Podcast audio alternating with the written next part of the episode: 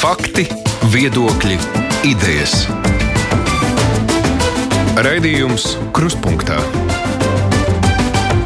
ar izpratni par būtisko. Aizsmeļamies Tamsons šeit studijā. Pēdējo dienu notikumi, ja faktiski jāsaka nedēļu notikumi pie Ukrainas robežas, raisa ar vien vairāk jautājumu, ko mēs varam sagaidīt no lielās kaimiņu valsts Krievijā. Ja vēl pirms pāris nedēļām šķiet tās diskusijas lielākoties bija par un ap opozicionāru Navaļnī vai spekulācijām, kā Krievija grasās tikt galā ar saviem iekšējiem izaicinājumiem, nu, tagad fokus ir pārvirzījies tie krietni tālāk. Šī bruņoto spēku koncentrēšana pie robežas liek jautāt, ko īsti Krievija grasās darīt. Tiešām iebrukt Ukrainā, tas ir spiediens pret rietumiem, lai pārliktu uzsvarus. Lai arī kāda būtu atbilde, ir skaidrs, ka tā spriedze tikai pieaug. Tas ir jauns izaicinājums arī Eiropas Savienībai, kas vienmēr ir bijusi ļoti piesardzīga pret kādu sasāku soļus pret Krieviju. Kā tad veidosies Eiropas Savienības turpmākās attiecības ar Krieviju un kādu notikumu tālāko gaitu mēs varam sagaidīt? Eironet Plus, Milāno, Zagreba, Brisele, Sofija, Rīga. Eironet Plus, vadošā Eiropas ziņu radiostaciju apvienība. Saprast Eiropu labāk! Studijā šobrīd ir pieslēgusies Eiropas parlamenta deputāts Sandra Kalnieta. Labdien! Labdien! Ārpolitikas institūta asociētais pētnieks Artūrs Bikovs. Sveicināti! Sveicināti, Aidi! Politologs Andris Kudors arī. Labdien! Un Austrumēropas politikas pētījuma centra pētnieks Mārcis Balodis. Sveiki! Labdien. Pirms mēs runājam par Eiropu, droši vien mēģinām palūkoties par situāciju kā tādu. Kas tur īsti notiek un kāpēc? Artur, kāda ir jūsu versija? Um, ko, uz, ar ko es noteikti vēlos uzsākt? Ja nekād nevajadzētu noliegt iespēju, ka konflikts eskalēsies līdz tādām karām, tā teikt, līdz nopietnam konfliktam.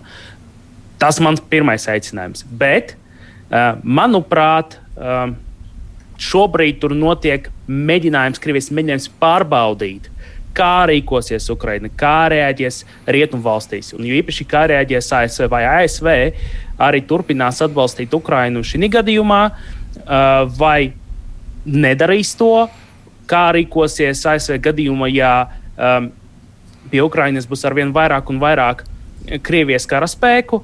Tas būtu tāds mēģinājums pārbaudīt to rietumu valstu reakciju. Bet vēlreiz, ko es uzsveršu, jā, tie cilvēki, kas apgalvo, ka nekāda gadījumā, nekāda konflikta noteikti nebūs, jā, es būtu ļoti piesardzīgs un diezgan skeptisks pret šādiem apgalvojumiem.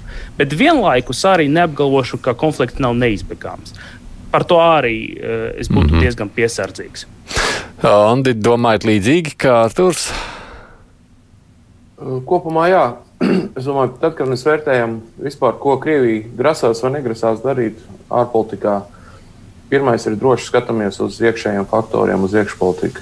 Ja, Putinam kaut ko vajag, jautājums, ko?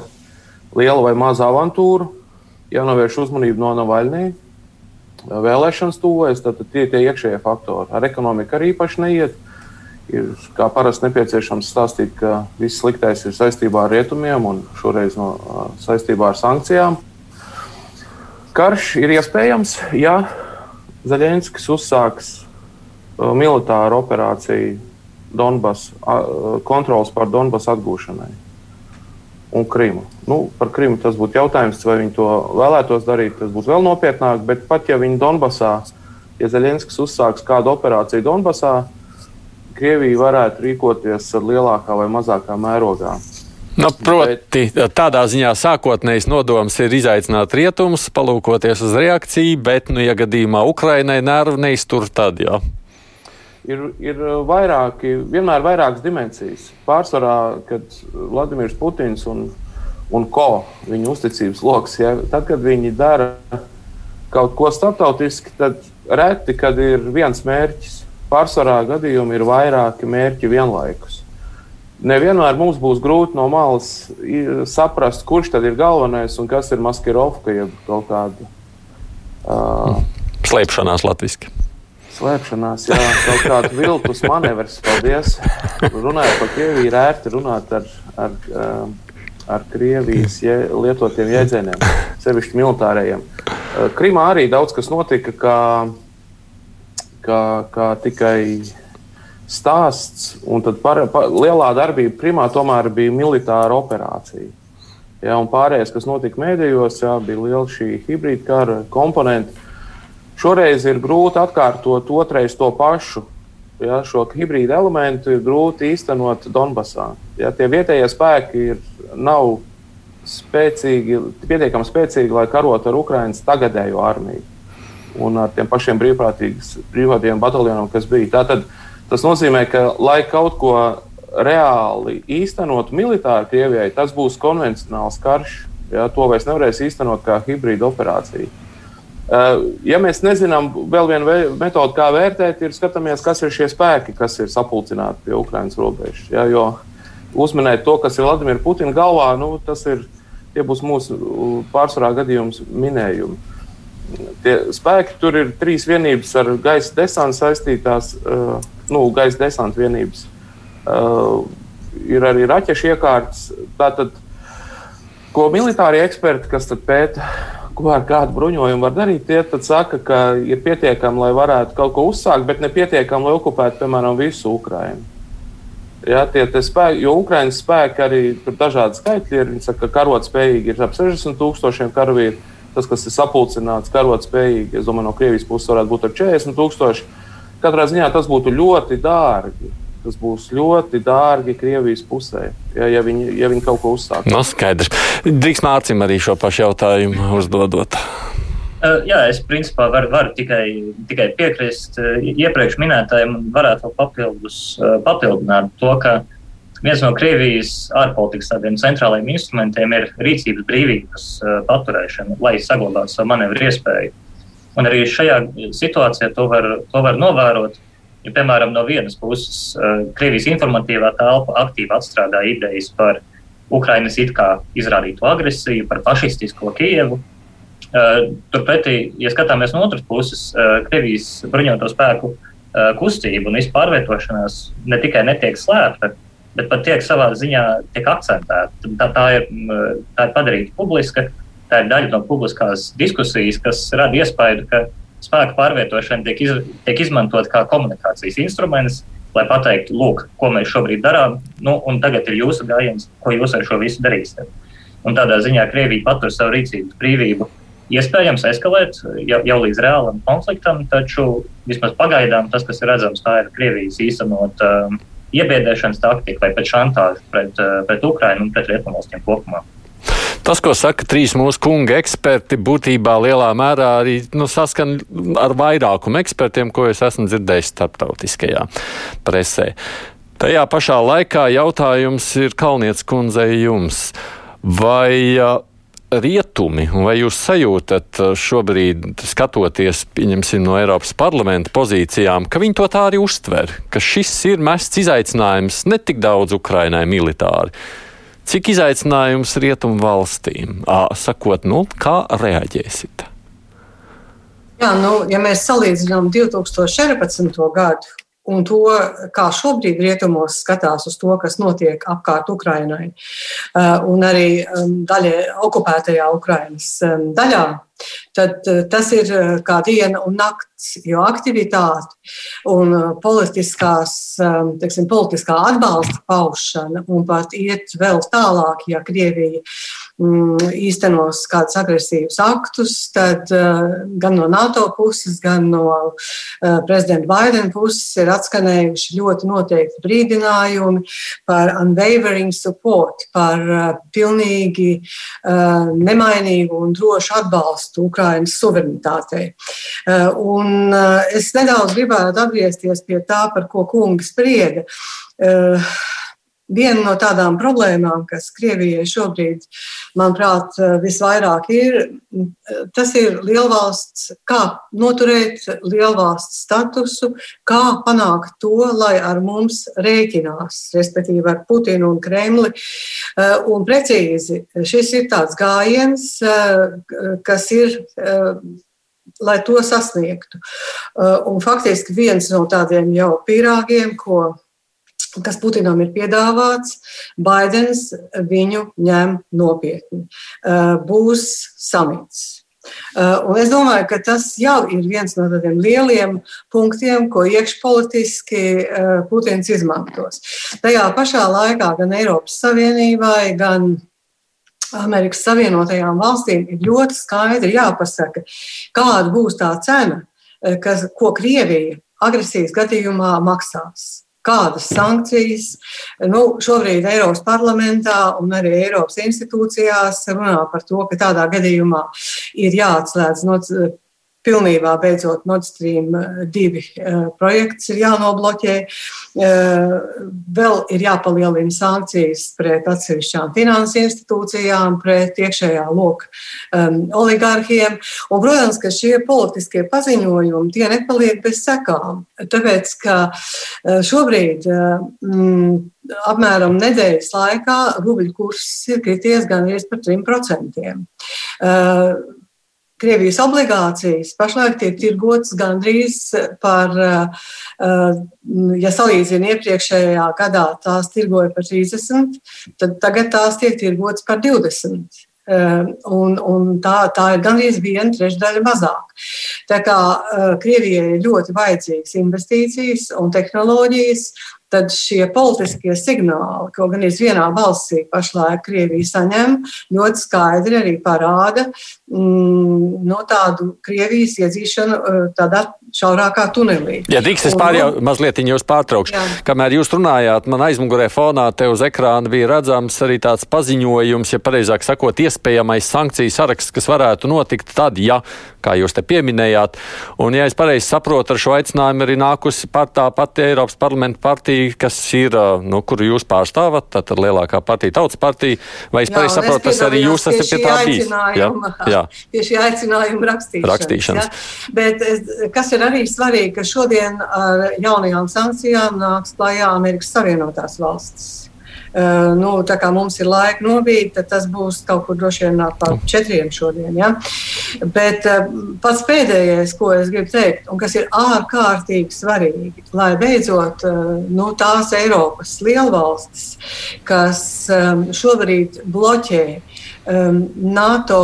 Um, NATO Action Plan, NATO rīcības plānu. Rīcības plānu. Rīcības plānu, lai tās piekristu tādu piešķirt Ukrainai. Jo šajā ziņā starp 30 NATO dalību valstīm nevalda vienprātība. Un mēs jau esam uh, to pieredzējuši Latvijas gadījumā, uh, ka, piemēram, Latvijai līdz 2008. gadam, kad Krievija iebruka Gruzijā, mums jau nebija NATO aizsardzības plāns detalizēti izstrādāts. Un tikai tad beidzot Vācija eh, un Francija piekrita, ka tāds ir jāizstrādā. Nu, Ukraina prasa mazāk, tikai eh, tādu vēsti, eh, lai beidzot būtu šis NATO darbības mm, rīcības plāns, kas arī būtu diezgan spēcīga politiska vēsts Krievijai. Kā tas kopējais noskaņojums Eiropas Savienībā, NATO, Amerikas Savienotajās valstīs ir ļoti atšķirīgs no tā diezgan amorfā un vienaldzīgā stāvokļa, kāds bija 2014. gadā. Un es domāju, ka Putins pietiekami skaidri to redz. Atšķirībā no Artūra, es nedomāju, ka Putins ir gatavs. Um, kādai militārai avantūrai, uh, varbūt kādam incidentam. Un vēl jau ir visu laiku jārēķinās, ka spriegumam kāpjot, vienmēr var notikt kāds negadījums, kuram ir. Nu. tālāk militārā konflikta sekas. Eh, no Zelenska puses eh, man vakar bija iespēja klausīties eh, Ukraiņas aizsardzības ministru. Pirms dienas mēs klausījāmies Ukraiņas ministra prezidenta pirmo vietnieku. Viņi visi vienā balsī apstiprina, ka viņi nespērs nekādus soļus, kas varētu kalpot kā iegansts izaicinājumam un ko Krievija tad izmantot. Ja runājam savukārt par to, nu, ka militārais konflikts nav, bet Krievija mēģina iegūt kaut kādu vienalga starptautisku, politisku, jeb kādu veidu kapitālu. Tas, ko tikko jau sacīja kungi, tas, ko sacīja Kalnietes kundze, no vienas puses taču nešķiet, ka dod kapitālu tieši otrādi, rada tā kā nepatīkamākas sekas. Vai tā ieguvums, jeb saruna ar Baidenu, kas nu, tā kā šķiet tas pirmais pluss, kas tika pieminēts kā ieguvums, varētu atsvērt arī tos zaudējumus, kuri šādā veidā var rasties. Nu, proti, cik tas ir matemātiski izrēķināms, kādi varētu būt ieguvumi un kādi zaudējumi? Jā, Andi. Nu, Putins ir spriedzes meistars.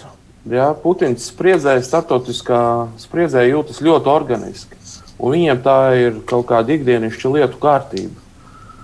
Līdz ar to mm, ir maz, manuprāt, eh, nav vērts gaidīt kaut kādas emocionālas kļūdas teiksim, no Kremļa vadības puses. Jā, jo, jo viņiem tas nav kaut kas ārkārtējs, kas notiek, kad ir ielikās jābūt kaut kādā tādā vai citādā konfliktā vai ar kaimiņu valstīm, vai arī kopumā ar rietumiem, kolektīviem rietumiem. Putins reizē ir arī tāds pokermeistars. Jā, likums tiek paaugstināts. Kur nonāca, kur nonāca Krievija, oficiālā Krievija pēc uh, Krimas anektēšanas? Daļējā izolācijā. Uh, ko, ko darīja Putins, lai daļēji tiktu no tās ārā? Viņš uzsāka jaunu avantūru Sīrijā. Kāpēc? Tāpēc, ka uh, Šis ir atšķirīgs no, no rietumu valstu pieejas, kā vispār veidot diplomātiju, kā veidot attiecības. Jā.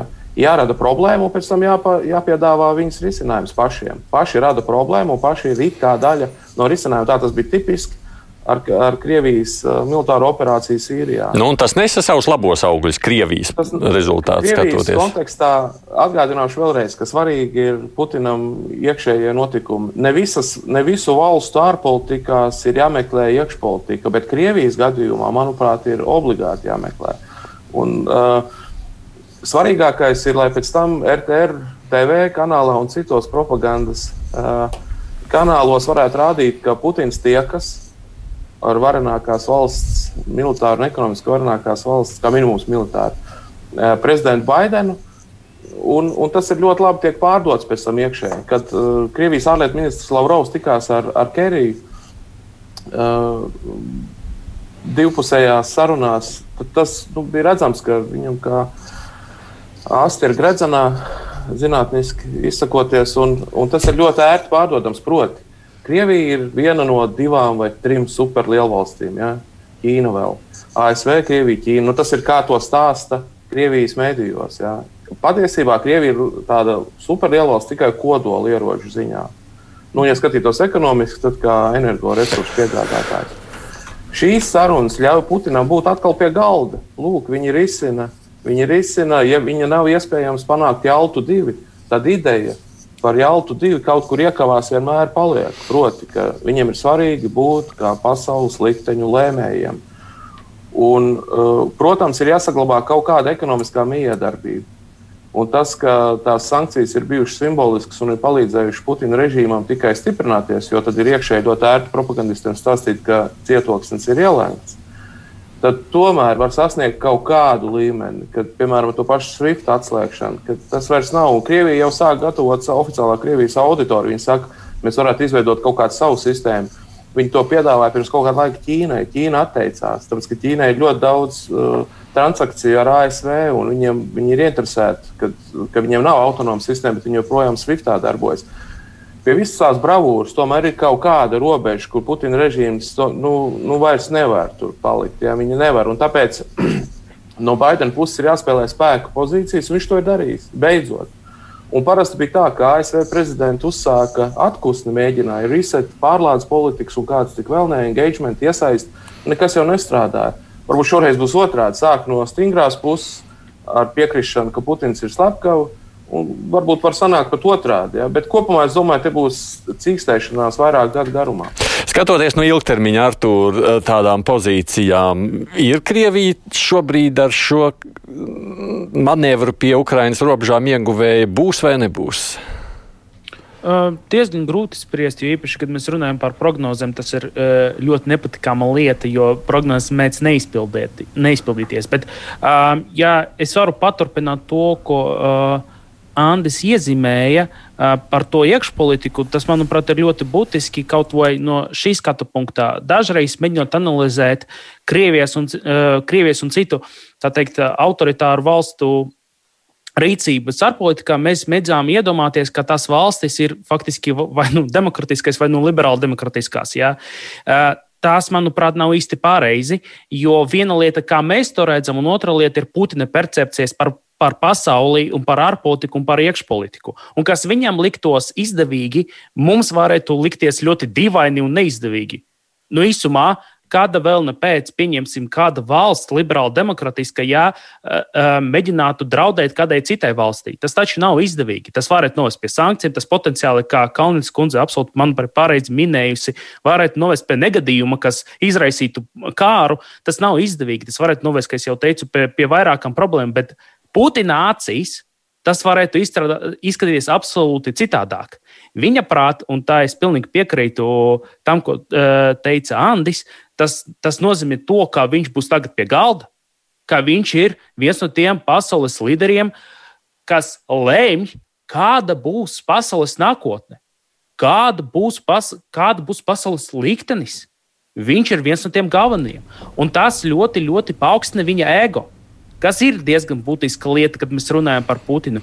Par, um, man ļoti patika, kā savulaik uh, Aleksis Venediktovs, kas ir viens no tādiem diezgan populārajiem krievijas žurnālistiem, kuram arī ir pieeja pie, teikt, pie, pie svarīgākajām sejām, ja, un viņš runāja ar Putinu savulaik, un Putins viņam jautāja, uh, Aleksis, jūs kā vēstures skolotājs savulaik, ja, jūsuprāt, kā mani vērtēs vēsturē? Tas bija 2008. gads, ja nemaldos. Ja? Un tad uh, Venediktovs viņam teica, nu, ziniet, jā, tur, tur rakstīsiet, tur par, to rakstīs, ka, ka jūsu nodokļu reforma bija pietiekami veiksmīga, jā, kad jūs atnācāt pie varas arī tur ekonomikas uh, augusi, jā, nu, ar to arī kopumā viss. Un tad Putins saprot, ka nu, nav īsti daudz. Ja? Un, uh, no Venediktava skatu punktā šobrīd uh, Putina mērķis ir iet vēsturē iet vēsturē ar tādu apzīmējumu, ka Sibiraķis zemeļu ruskih, jā, ka cilvēks, kurš apkopo tās Krievu zemēs, jā, ka viņš tagad atgriez Krīmu Krievijā, jā, ka viņš tagad uh, to turpinās attiecībā uz uh, Ukrainas austrumdaļu. Un no viņa skatu punktā, jā, tik līdz ir katrs manevris, kas viņam ļautu pietuvināt sevi tam mērķim, jā, ka viņš apkopos tas Krievu zemēs, priekš viņa tas ir galvenais. Viņam varbūt nav tik nozīmīgas tās sankcijas. Kaut gan, protams, viņš tos īpaši ņems vērā tad, kad tas būs attiecināms uz viņa to loku. Tas ir būtisks. Tāpēc tas personīgas sankcijas, manuprāt, ir pietiekami nozīmīgas. Jo īpaši, ja tas tiek mērķētas ļoti stingri attiecināmi uz, tiem, uz, uz to eliti, Es to mūsu, Tas, es to mūsu to sarunas otro daļu noteikti gribēšu veltīt tieši par to rietumu spēju, gatavību šajā brīdī kaut kā reaģēt uz to visu. Bet, ja drīkst man jūsos klausoties, ārkārtīgi nāk atmiņā uh, iepriekšējā prezidenta Trumpa tikšanās ar uh, Ziemeļkorejas līderi. Nu, kaut kā tiem, tiem, nu, tiem, tiem, tiem trakajiem izdodas, vai ne, dabūt savus prezidentu. Prezident, nu, tā normāli nevar dabūt viņu pie sarunu galda. Tā, ka tu uzlaid kaut ko galīgi neracionāli, tad redz, viss sanāk. Bet, ja drīkst savukārt skatoties māc, uz jums jautājums, vai varētu būt tā, ka nu, tas iemesls, kāpēc nobrieda šī vajadzība pēc šādas Putina rīcības, bija viss tas notikums ar lielā mērā ar Navaļniju? Nu, ka beig beigās tas vēl izprovocēja tā, nu, citādāk jau nekādi vairs nevar. Nu. Um, jā, teiksim, šādam, šāds viedoklis arī Krievijas informatīvajā telpā uh, nereti tiek izplatīts. Un, zināmā mērā tam ir taisnība, tīpaši, ja mēs ņemam vērā, ka Krievija ir, uh, ka Krievijas ārpolitika ir tieši iekšpolitikas uh, turpinājums. Un pagājušais gads Krievijai gan iekšpolitiski, gan ārpolitiski izvērtās ļoti sarežģīts, un šī gada sākums uh, neviesa būtisks uzlabojums, uh, un ir īpaši saistībā ar Navaļniju. Un šāds sācinājums. Um, Teiksim, pasaules vēsturē ir novērots, ka šādos militāros sāsnējumos vai īsi pirms tiem tiek novērota sabiedrības saliedēšanās ap, ap valstu līderiem. Un, ņemot, ņemot vērā arī šo kontekstu, sāsnējums ap Ukrajinu palīdz režīmam nedaudz teiksim, aizpildīt ēteru un ievirzīt sabiedrības uzmanību citā gultnē, novēršot uzmanību no Navaļnī, no sociāla-ekonomiskiem jautājumiem, arī no politiskām, politiski sasāpējušām vainām. Uh, un, un, attiecīgi, šādā veidā Kremlis var mēģināt uh, principā, pūst miglu acīs. Un, turklāt, kas ir interesanti, nākamnedēļ, 21. datumā, ir paredzēta Putina ikgadējā uzruna, kas, kas šogad vairāk iemeslu dēļ tika atcelta sākotnēji. Un sagaidāms, ka arī šajā uzrunā viņš varētu iezīmēt uh, nākamā sabiedrības arī dienas kārtību šim gadam un arī vēl tuvākajiem gadiem. Un uh, plānots arī, ka, un pareizāk ļoti, ļoti iespējams, ka tas iezīmēs arī iekšpolitiski uh, nākamos procesus, kur atkal var, var, var arī ietekmēt to, kā attīstīsies uh, šī situācija pie Ukraiņas robežas. Tik daudz, ka vienīgais nu, ir jau kādreiz šķiet tādi ārējie notikumi, kas varētu būt pateicīgāki šīs iekšpolitiskās uzmanības novēršanai. Vai tas Donbass ir tik ļoti pateicīgs šobrīd, ņemot vērā? Uh, vai vienīgi to var uzkurināt ar, saka, ar pareizām ziņām par nogalinātu bērnu un kaut ko tamlīdzīgu? Jā, tas, tas ir ļoti labs jautājums, jo nu, pat arī Levaga centrs bija publicējis, publicējis aptaujas datus par to, kā Krievijas iedzīvotāji saredz Donbass reģiona nākotni vai kā neatkarīgu, pastāvīgu, vismaz pēdiņās pastāvīgu republiku vai kā daļu no Krievijas vai kā daļu no Ukrainas. Un vi, visiem trim variantiem ir apmēram vienlīdz zems atbalsta rādītājs Krievijas sabiedrībā. Kas savā ziņā arī parāda atšķirības starp Donbass reģionu un Krimu 2014. gadā. Krimas gadījumā tika uzkurināts uh, gan viedoklis par uh, nepieciešamību aizstāvēt Krievijas, uh, Krievijas pilsoņus, gan arī par vēsturiskā taisnīguma teiksim, nodrošināšanu, kā, kā kādreizējās Krievijas teritorijas atgriešanu pie mātes Krievijas. Bet teiksim, šī brīža sabiedrībā, eh, Krievijā, eh, ir jautājums tieši par to, vai Krievijas sabiedrība tiešām redz Donbasu kā kaut ko, kādēļ ir vērts karot, kā kaut ko, kādēļ ir vērts arī riskēt ar valsts ekonomiku. Ņemot vērā sabiedrībā jau tās sasāpējušās problēmas ar, ar, ar savu ekonomiku, ir pilnībā loģiski, ka sabiedrība varētu arī uh, nostāties pret Donbasu pievienošanos Krievijai. Uh, ir tā iemesla dēļ, ka Krievijai jau ir problēmas nodrošināt um, sociālo izaugsmu un ekonomisko izaugsmu jau pašreiz. Nemaz nerunājot par to, ja tiktu pievienotas teritorijas, kuras uh, faktiski septiņus gadus, uh, ir, kurās septiņus gadus ir norisinājies karš. Protams, šīs monētas otra puse ir uh, Krievijas izvērstā informatīvā kampaņa, informatīvā ietekme pašā, pašā Krievijā. Un jāatcerās arī, ka Donbass reģionā ir izdalīts Krievijas pases. Līdz ar to Krievija var iedarbināt argumentus par aptuveni 400 tūkstošiem Krievijas pilsoņu, pret kuriem uh, Ukraina vai fašistiskā Kieva pēdiņās um, iz, izturas agresīvu un kuras ir nepieciešams aizstāvēt. Līdz ar to Krievijas rokās, vai precīzāk Krievijas um, piedurknē, ir tāds, ir tāds trumps, ko var izmantot. Un, un principā tāda vienkārša atbilde ir tas, ka situācija vēl nav beigusies, situācija vēl attīstās, un, un šī, šī ir situācija, mēs, kas vēl tiks izspēlēta nākotnē.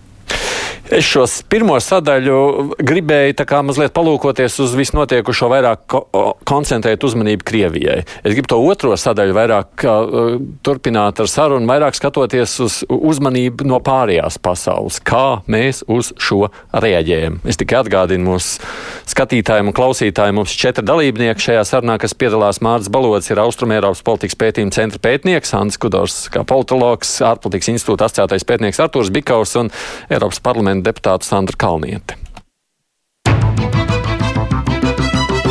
Raidījums Krustpunktā. Es uh, vienmēr esam runājuši jau gadu gadiem par to ļoti sarežģīto reakciju uz notiekošo Krievijā, skatoties savukārt no Rietuma Eiropas un Eiropas Savienības. Kalnietis kundze, jūs jau labi jūtat to noskaņojumu, kāds ir parlamentā. Es nezinu, cik tas ļauj spriest par visu kopējo Eiropas Savienības noskaņojumu, bet vienmēr jau tā attieksme bijis ļoti atšķirīga. Vai šie notikumi, kādi ir pēdējās nedēļās risinājušies, varētu saliedēt Eiropas Savienību attiecību, attieksmē pret Krieviju, vai arī tomēr īsti nē? Uh, nu, šeit ir jānošķir tomēr Eiropas parlaments un Eiropas padome, kas ir dalību valstu vadītāju un ministru veidojumi. Ja? Tāpēc, ka Eiropas parlamentā šī saliedētība ir daudz uh, stiprāka Lielāk, un tā ir arvien palielinājusies. Es atceros 2009. gadu, kad es sāku Eiropas parlamentā strādāt, uh, un uh, kāda tad bija teiksim, tā valoda, kas tika piemērota Krievijas rezolūcijām vai ziņojumam par Krieviju, eh, kāda tā jau bija pēc eh, šī konflikta, ko Krievija izraisīja Ukrainā, eh, un kāda tā ir tagad. Ja? Jo šobrīd šī vienotība ir ļoti augsta, izņemot galēji kreisos un vienu daļu no galēji labējiem. Tā lielākās grūtības, protams, ir ar vienotas pozīcijas um, pieņemšanu um, padomē. Tāpēc, ka padomē uh, tomēr ļoti tieši atspoguļojās uh, dažādās ekonomiskās saites, kas attiecīgi tai vai citai dalību valstī ir. Itālija ir ļoti atkarīga no Krievijas enerģētikas. Šajā laikā arī Ungārija ir izveidojusi nu, diezgan lielu atkarību no dažādām Krievijas um, ekonomikas izpausmēm, gan resursiem, gan arī uh, citām lietām. Uh, un, un savukārt arī, ja mēs tā ģeopolitiski paskatāmies, tad ir valstis, kas ir uh, tuvu geogrāfiski, un ir valstis, kas ir tālāk, kurām ir šie jautājumi nešķiet tik aktuāli, kā piemēram tas, kas notiek Ziemeļāfrikā vai Sīrijā vai tuvjos austrumos. Un bez tam, vēl bez Krievijas, ir jau arī citi lieli jautājumi, un tā ir šī spriedze, kas veidojās šobrīd attiecībās ar Ķīnu, eh, un, un protams, pandēmija, kas ir pāri visam. Un mēs šeit faktiski neesam pieminējuši vienu ļoti tādu izsmalcinātu manevru, ko Krievija pašlaik piekopja, lai skaldītu un valdītu Eiropā, un runa ir par Sputniku vakcīnu, ko Krievija plaši izmanto uh, kā tādu uh, piedāvājumu tiem, kas uh, to vēlētos, vai tā būtu Austrija, vai tā būtu Ungārija. Un ir pat valstis, kur tā ir radījusi politiskas grūtības valdībām, kā Slovākijā, Tā problēma, problēmas tur ir divas. Viena ir šī propagandas daļa, bet otra ir Krievijas ļoti nelielās ražošanas jaudas, jo Krievija faktiski nespēja saražot pietiekamā daudzumā spuķiku pat tām valstīm, kas ir gatavas spuķiku iegādāties, neskatoties uz to, ka Eiropas zāļu aģentūra nav akceptējusi šo vakcīnu. Bet nu, dalību valsts zāļu aģentūra tādu lēmumu var pieņemt. Un tuvākā laikā arī izskatās, ka šis akcepts nebūs. Protams, ja tāds akcepts būtu un uh, šī vakcīna tiktu atzīta par, uh, par piemērotu, tad uh, mums Eiropā būtu vēl viena pieejama vēl viena vakcīna, kuru ražot droši vien Eiropas uzņēmumi. Mums iepriekšējā pusstunda bija faktiski viss raidījums par šo, tā kā lielā mērā mēs šo aspektu jau pirms raidījuma mm. paspējām pārrunāt. Tad es atvainojos. Jā, bet es no tāda viedokļa skatoties, domāju, Nu, labi, ja jūs sakāt, ka Eiropas parlamentā jūs esat vienotāki, arī tajā Eiropas padomē varētu būt tā, ka arī valstu vadītāju līmenī uh, nu, tas kaut kādā mērā palīdz mazliet cementēt kopējo attieksmi, vai jūs sakāt, tās ekonomiskās intereses ir pārāk nu, lielas, lai tur mēģinātu? Neapšaubām, tāpēc, ka ir tādas sarkanās līnijas, ko uh, Krievija nedrīkst pārkāpt. Un viena no tām, protams, būtu kāds agresijas akts pret Ukrainu, jo to vienkārši neviena no Eiropas Savienības valstīm, vai tā būtu Vācija vai Francija, uh, nespēja uh, pārdot saviem mm -hmm. vēlētājiem. Ja? Jo tur būtu jārīkojas. Cik lielā mērā e, tas būtu iespējams, tas ir, protams, e, cits jautājums. Jo mūsu Latviju un pārējos, pārējās valsts, ja Baltijas jūra visvairāk interesē, vai izdosies nokaut Nord Stream 2 e, gāzes vadu. Jo šobrīd ir palikuši, ja nemaldos, 126 km. Un bija jau ļoti tuvu tam, lai Amerikas Savienotās valsts vērstu jaunas sankcijas pret uh, tām firmām, kas šo gāzi turpina veidot.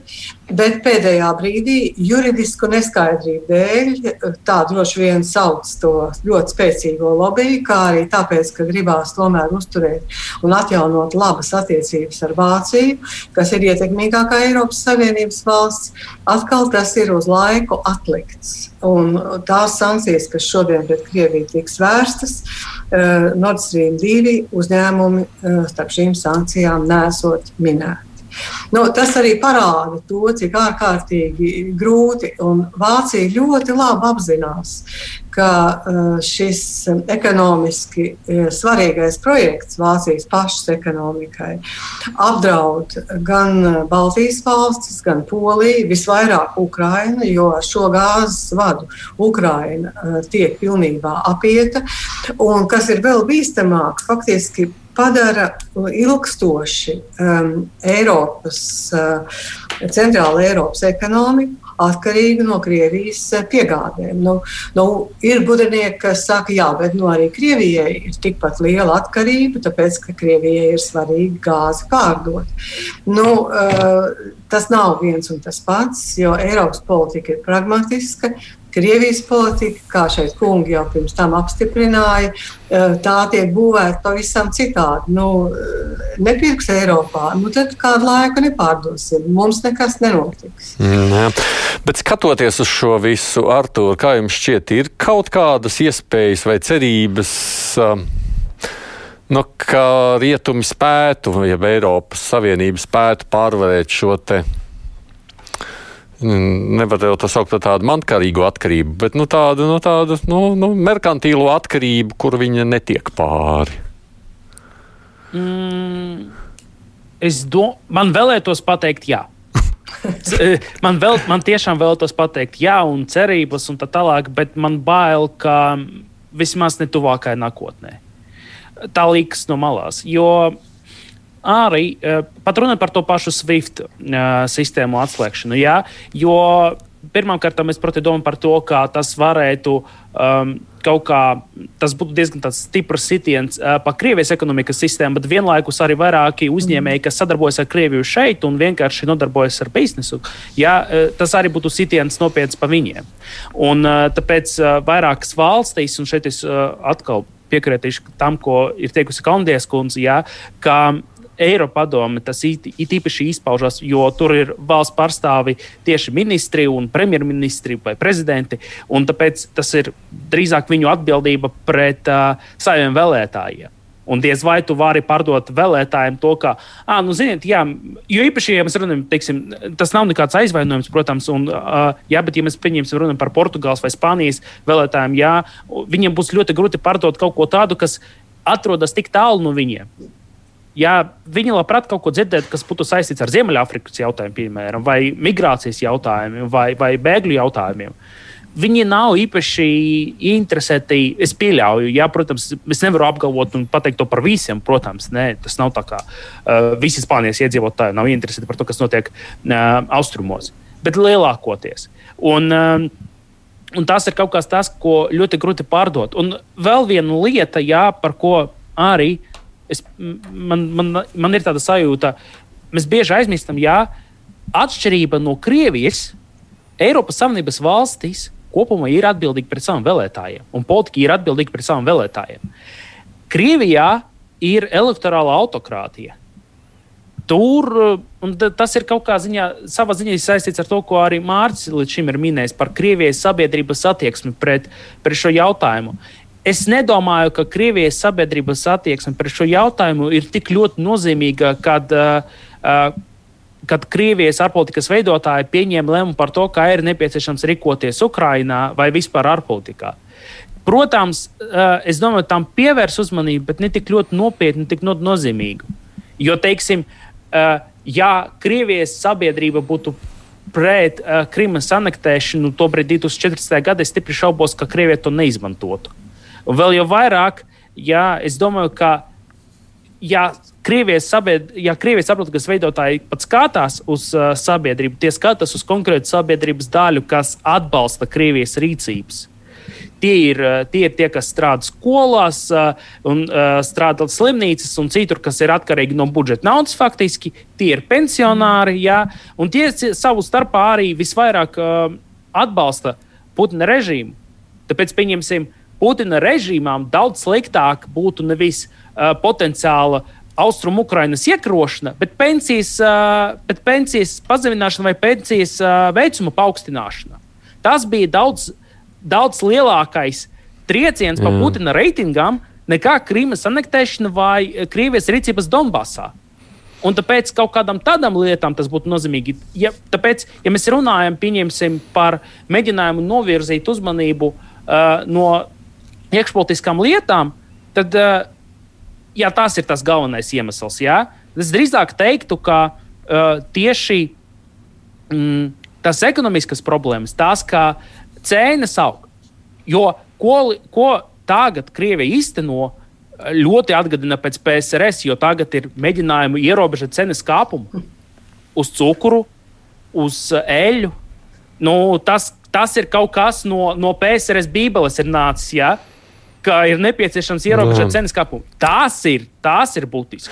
Bet tās ir nozīmīgas, ja mēs runājam par tādām iekšpolitiskām lietām. Bet es atgriežos pie Eiropas Savienības. Tas nozīmē, ja es skatos uz Andi vai uz Mārci, jūs sakāt, ka to jautājumu par to, vai tur var kaut ko darīt, lai Eiropas Savienība kļūtu vienot savā nostājā pret Krieviju un nebalstītos uz savām, nu jā, nezinu vēlētāju interesēm. Varbūt tas nebūs tomēr pareizi tā sacīt, bet doma, ko izteica tikko Artūrs, nu, tad to nav jēgas par to vispār runāt. Nu, mums jau vienmēr ir interese runāt par, par to. runāt, tad jau var kaut kā, ja tur var tiešām jēgas par to runāt, vai saturiski kaut kas varētu tiešām mainīties. Līdz, 2000, līdz 2014. gadam, tā nedaudz vienkāršot, es uzzīmēšu, kāda bija teiksim, kopējā Eiropas Savienības valstu skatījums uz, uz to, kas notiek Ukrajinā un kas notiek tālāk par Poliju uz austrumiem. Ja, tālāk, tālāk no Vācijas uz austrumiem. Tad pārsvarā tā bija tāda postmodernas sabiedrības vēlme, ka tik būtu miers. Un miers par katru cenu. Tas, ne, tas nozīmē, ka nevienmēr tā ir iesākšanās par to, kam ir taisnība. Un, un tas nav labi tiesiskuma izpratnē un tīri tādā cilvēciskā. cilvēciskā vēlmē, lai uzvarētu taisnību.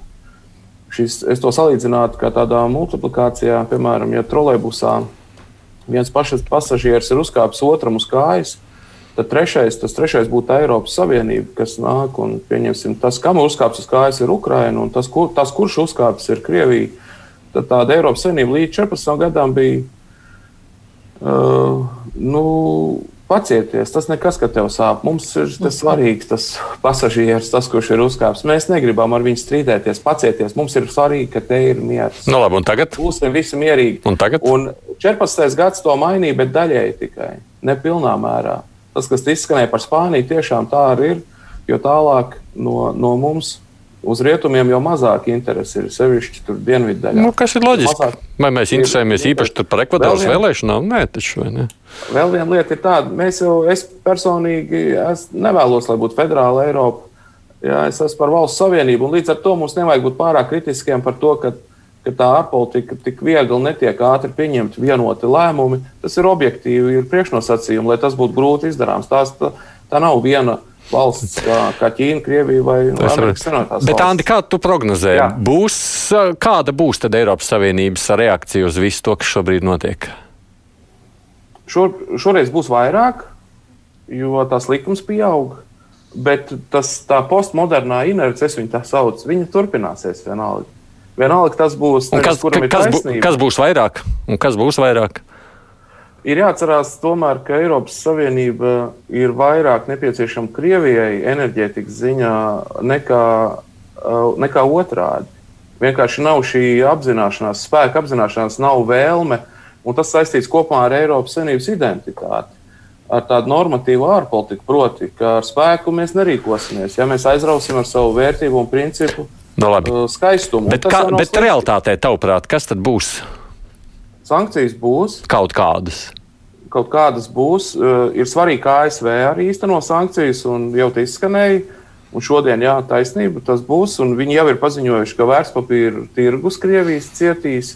Jā. Nevarēs ne no viņa labklājības uh, fonda tur pirkt tās akcijas, ne vērtspapīrus, kas ir valdības izdotie, ne Krievijas bankas. Bet viņi jau to vēl dara saistībā ar kiberuzbrukumu. Tas jau vēl nav saistībā ar Ukrajinu, vai ne? Ar kiberuzbrukumu, jā, un Navaļnis ar to netika pieminēts. Jā, jā. Tas bija par iejaukšanos vēlēšanās. Jā, jā, jā. Uh, vislabāk strādā sankcijas tad, kad uh, Vašingtona un Brisele darbojas kopā.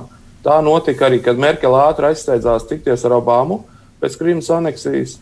Un toreiz bija vienots lēmums, un tas ir vissvarīgākais. Un tāpēc Kremlis strādā uz transatlantisko šķelšanu. Būs šoreiz svarīgi, lai ASV un Kanāda nedarbojas kopā ar Eiropas Savienību, ja ir runa par Krieviju, jo tas samazinās manevru iespējas.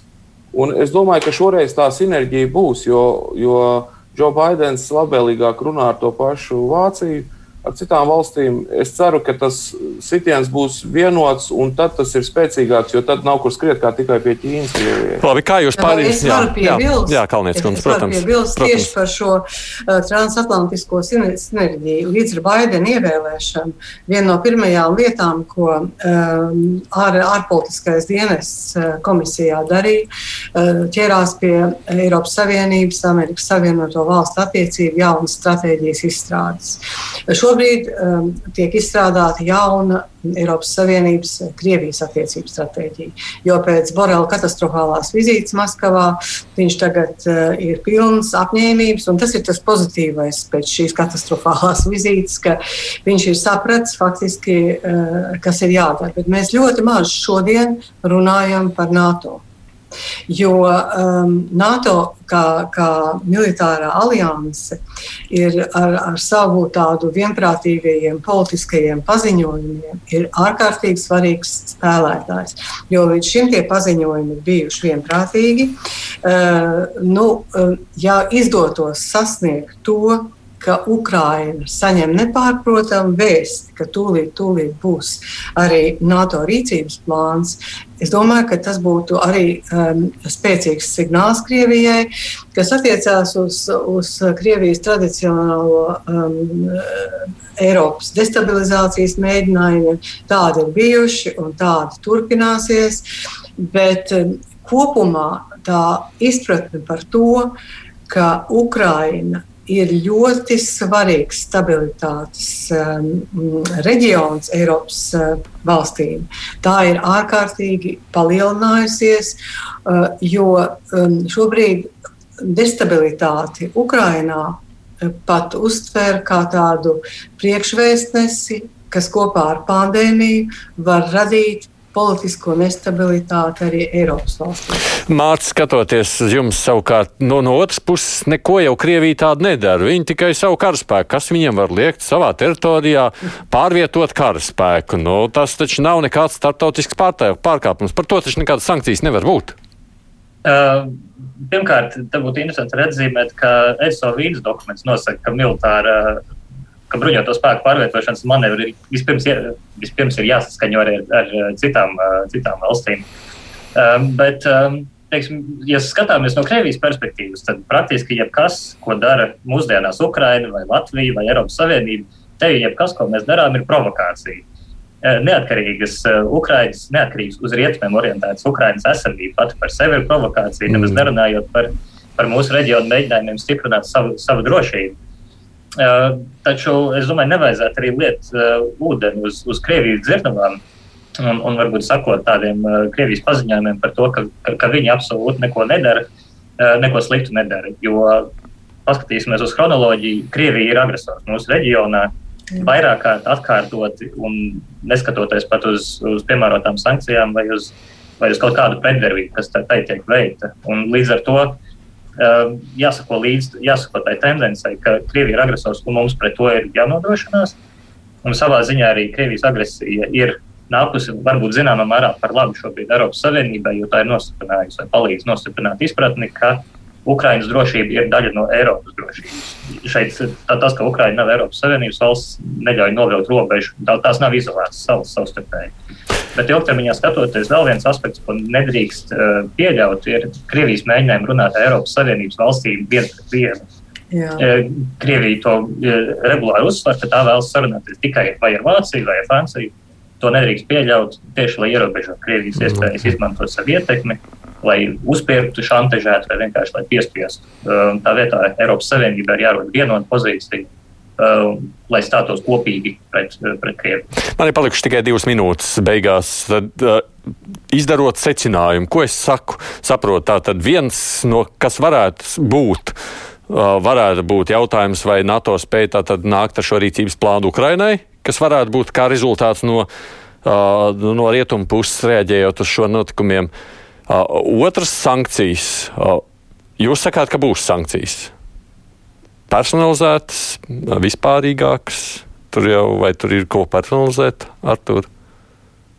Es vēl gribu piebilst, ka, mēs esam šodien, šodien neesam pieminējuši tā saucamo Magnitska sarakstu, ka, kurā var ar daudz vieglāku procedūru iekļaut personas, kas ir atbildīgas par cilvēktiesību pārkāpumiem, un kurā tika iekļauti tie personāži, kas um, ir atbildīgi par nelikumībām attiecībā pret Navaļņu. Un tur varētu attiecībā arī uz, uz karaspēku pārvietošanu iekļaut kādas personas? Uh, To es nemācīju. Nemācīju. Nu, tāpēc es prasu, vai tur varētu būt arī kādas, mm. nu, kādu veidu sankcijām mēs te varam realitātē runāt, bet realitātē.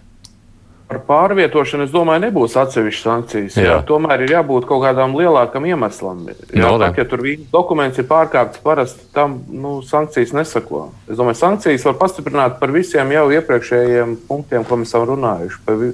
Jau ir pietiekami daudz iemeslu Putins devis, lai, lai sankcijas kā minimums turpinātu. Atsakot, sankcijas varētu būt par kopējo kaut ko nākotnē, par to jūs esat izklausās diezgan viensprātis. Jā. Jā, jā bet, īpaši, ja būs kaut kāda eskalācija, jā. visai noteikti par šo būs sankcijas. Un es domāju, ja būs kaut kāda eskalācija, kas novedīs pie konfliktā, uh, tad sankcijas varētu būt pat stingrākas nekā līdz šim ir bijušas. Mm -hmm. Bet jo... attiecībā savukārt uz, uz šo, tad drīzāk tas rezultāts no rietumu puses varētu būt atbilde no NATO puses. Kaut kā tā. Bruņojuma palīdzība ar bruņojumu piešķiršanu Ukrainai būs milzīgs solis vispār, lai, mm. lai atturētu Krieviju un lai parādītu kopumā kaimiņu valstīm, ka rietumi viņām palīdz. Es domāju, Krievijas kaimiņu valstīm. Jā, Amerikas Savienotās valsts vakar jau pieņēma lēmumu Krieviju papildus piegādāt Ukrainai bruņojumu. Tā kā mm -hmm. tas, tas notiek, bet mēs aizmirstam, ka fonā visu laiku notiek hibrīd karš kas ir saistīts gan ar dezinformāciju, gan ar dažādiem eh, kiberuzbrukumiem. Mēs neaizmirsām šodien. Pamats, lai būtu sankcijas pret konkrētām personām, kas par to ir atbildīgas. Eiropas parlamenta deputāts Andra Kalnieta, ārpolitikas institūta asociētais pētnieks Arturs Bikaus, politologs Ants Kudors un Austrum Eiropas politikas pētījuma centra pētnieks Mārcis Balodas. Paldies jums visiem četriem, Paldies. ka atradāt laiku iesaistījāties mūsu šajā sarunā. Producents kruspunktā Evi Junāms, studijā bija šodien arī Aidis Tomsons. Eironet Plus, Milāno, Zagreba, Brisele, Sofija, Rīga. Eironet Plus, vadošā Eiropas ziņu radiostaciju apvienība. Saprast Eiropu labāk!